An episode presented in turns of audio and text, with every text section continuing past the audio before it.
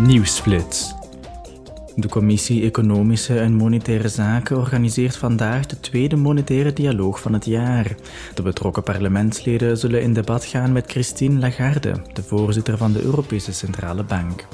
Een belangrijk onderwerp op de agenda is de inflatie, die over het algemeen is gedaald.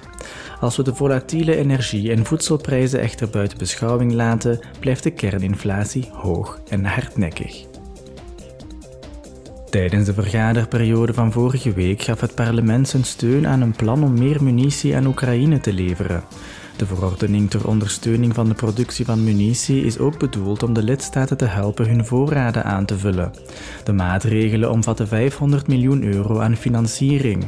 De parlementsleden zullen nu de onderhandelingen met de Raad aanknopen om een politiek akkoord te bereiken. Vorige week veroordeelde het Europees Parlement de Hongaarse regering omdat zij de EU-waarden herhaaldelijk ondermijnt.